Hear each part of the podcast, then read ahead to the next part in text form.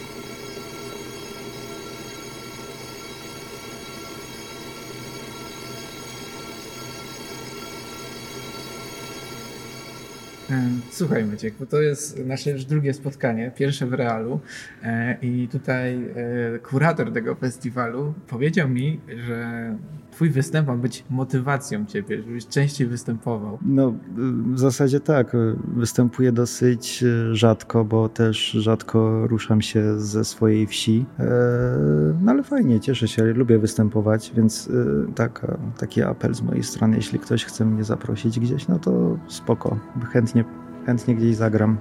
Jesteś znany z harsh noise'owych występów bardziej, tak mi się kojarzysz. Czy ten harsh noise pojawi się też na Fabi? Tak. tak, tak, tak, pojawi się. E, Ale no bo to jest festiwal e, z nagraniami terenowymi, to połączysz harsh noise z... E, no, w zasadzie jest tutaj jakby trzy tematy. Jest tutaj sound art, muzyka improwizowana i nagrania terenowe. Tak jak bardzo często podkreślałem, uważam, że noise i nagrania terenowe są bardzo ze sobą bliskie. Już pomijając takie kwestie, że bardzo często w harsh noise'u wykorzystuje się jakieś dźwięki znalezione, E, to wydaje mi się, że bardzo często nasza rzeczywistość jest taka noizowa, jest taka harsh noizowa. Ten nasz soundscape y, po prostu ma bardzo wiele wspólnego z, z, z tą formą ekspresji, z, no, z formą noizu, czy, czy z noizem, który preparuje jakieś takie ohydne, y, przesterowane dźwięki, które się mogą wydawać na samym początku niemiłe uchu. Ja natomiast być może wbrew wskazaniom niektórych ekologów akustycznych staram się znajdować we wszystkich dźwiękach jakiś, jakiś ich y, urok i mimo tego, że czasem mnie one mogą denerwować, mogą być powtarzalne, mogą zanieczyszczać to, co się dzieje dookoła, staram się przyjmować je po prostu jako jakiś fakt, ja, przyjmować te wszystkie brzydkie dźwięki naszego świata, że tak powiem w cudzysłowie, y, jako coś, na co być może nie mam zbyt wielkiego wpływu. No, więc staram się z nich czerpać jakąś przyjemność. A miałeś jakiś może dźwięk, który, którego nie cierpiałeś, ale nagle stało się, że w jakiś sposób go polubiłeś? Yy, teraz co mi przyszło na myśl, to jak spacerowałem sobie po mieście, miałem ze sobą rejestrator jeszcze przed występem, to trafiłem na ulicę Legionową i no, zwyczajna ulica, ruch uliczny, samochody, tramwaje po bardzo krzywych e, tak, szynach. To jest klimacik. E, I powiem Wam szczerze, że ten ruch uliczny, który tam był, nie był taki przytłaczający, nie był taki bardzo mocno szumowy i tam było bardzo dobrze słychać wszystkie pojazdy, wszystkich ludzi, wszystkie rzeczy, które się odbywały na tej ulicy. I szczerze powiedziawszy, byłem zauroczony tym miejscem. Tak jak dzisiaj tam trafiłem, naprawdę przystanąłem i długo tego miejsca słuchałem. Uważam, że Piotrkowska mi się nie spodobała dźwiękowo zupełnie. Tam jest jakiś taki tunel powietrzny, że po prostu tam wieje ciągle. Chyba, nie wiem, dzisiaj tak było, jestem po raz pierwszy w Łodzi. Natomiast ta ulica y, Legionowa y, bardzo fajnie brzmiała. I te dźwięki, które mogłyby się wydawać pospolite, bardzo mi dzisiaj poprawiły humor. Na pewno. Ja muszę cię zmartwić, bo ta ulica Legionów, Legionów tak. Ona, y, miasto zapowiedziało, że będzie ją remontować i wydaje mi się, że to usprawni ruch uliczny, ale nie wiem, czy to nie ucieszy No, no, no nie wiem, ale uważam, że te krzywe tory stanowią jakieś dziedzictwo, więc jeśli mogę zaapelować i skorzystać z okazji, to zostawcie te krzywe tory, bo Yy, wszędzie będą proste tory, a jeśli zachowamy je dla przyszłych pokoleń, to na pewno będą nam za to wdzięczni. Yy, zbierałeś yy, po Łodzi dźwięki? Czy te dźwięki na przykład pojawią się na Twoim występie, czy po prostu są zebrane i gdzieś tam? Nie, nie, nie. Akurat miałem swój program przygotowany wcześniej. Nie, nie miałem aż tyle czasu, ani nie miałem tyle zuchwałości, żeby próbować tak ad hoc E, coś zrobić, więc być może kiedyś e, uda się te, te dźwięki gdzieś puścić dalej w eter.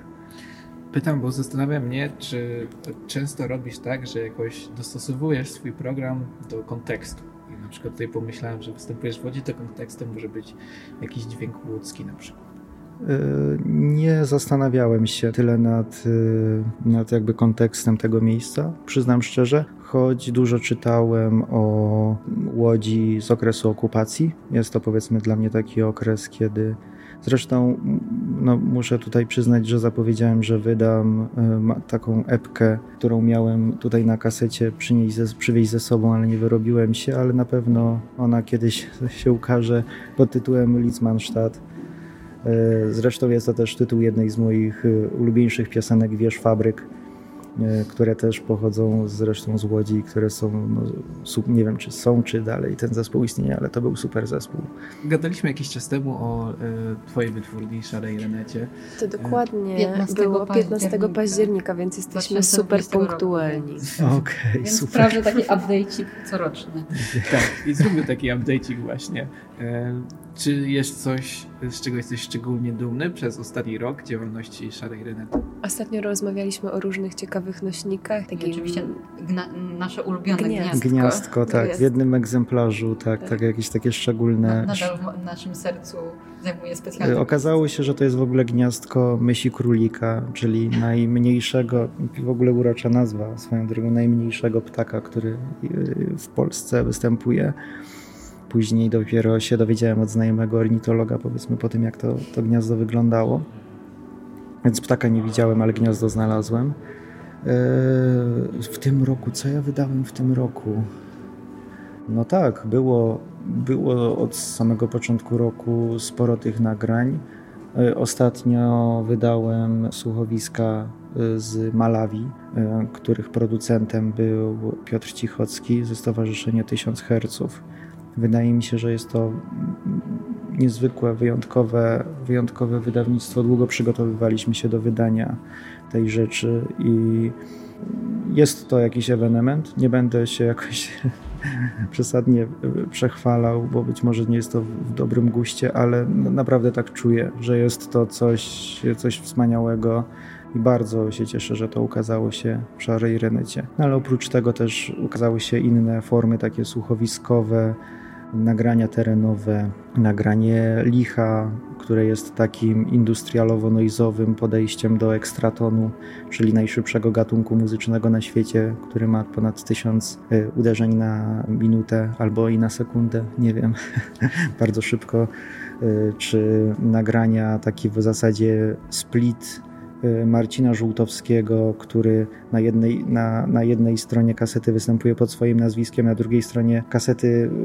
pod swoim pseudonimem, na jednej stronie znajdują się nagrania terenowe, na drugiej stronie znajduje się uliczny performance noizowy na ulicach y, Bukaresztu, czy też Lindy RL, nagrania, które są w ogóle nieprawdopodobne, jeśli ktoś jest fanem wojeryzmu i lubi po prostu podglądać to, co się dzieje u innych ludzi, no to, no to te nagrania, które pochodzą z taśm z VHS-ów, które miała Linda w swoich zbiorach rodzinnych. No i to są te dźwięki właśnie tego życia rodzinnego, tego jej życia, tak na dobrą sprawę. I to też jest jakby dowód na to, że nagrania terenowe nie są Polakom obce, że tradycja nagrywania, co prawda takich y, rodzinnych chwil, ale jednak y, funkcjonuje i że ten, te nagrania terenowe w tej formie audio tam również się czają i że tam mogą się znajdować nieprawdopodobne rzeczy i to jest właśnie dowód na to, że, że, że tak jest. A jeśli chodzi o nośniki, czy coś szalonego się pojawiło? Nie, Linda RL ukazała się na USB sticku w formie karty, takiej karty jakby kredytowej. A jeśli chodzi o nośniki, aha, no jeszcze przecież y, ukazała się dwupłytowa, nie, nie, przepraszam, nie pamiętam wszystkich rzeczy, ale ukazało się dwupłytowe wydawnictwo Michała Biela, y, które było wydane jednocześnie na mikrokasecie i na dużej kasecie. A to dlatego, bo mm, pierwotny materiał został nagrany na rekorder na mikrokasety, taki ręczny, y, dyktafon. Y, następnie został on przeniesiony do formy cyfrowej, tam przerobiony, zgrany na kasetę dużą i stwierdziłem, że fajnie byłoby jeszcze dalej przenieść tę zawartość dźwiękową na używaną kasetę i no może troszeczkę to trąci jakimś, jakimś nie wiem, Williamem Basińskim jego y, pętlami, które się wycierają y, z, z, z biegiem czasu, ale no, czy jakimś Alwinem Lucierem i jego zabawami z pogłosem i siedzeniem w pokoju. Więc to, to była taka zabawa nośnikiem y, i zabawa też tym, co ten nośnik może zawrzeć, jak nośnik wpływa na, na brzmienie muzyki. No każdy trochę chce być basiński. U nas basiński leci w tle w audycji ciągle. Cały czas. Aha, dobrze. Dobrze, to na końcu zróbmy taki apel. Chyba, że macie jeszcze jakieś pytania. O nieremontowanie ulicy Legionu? Nie, apel taki, żeby y, Maćka zapraszać jak najwięcej. Możecie mnie zapraszać tak w umiarkowanym, w umiarkowanym zakresie, jak najbardziej. Jak tylko będę mógł, to chętnie się u Was pojawię i podzielę swoimi dźwiękami. Tak jest. Dzięki Świetnie, za rozmowę. dzięki. Dzięki.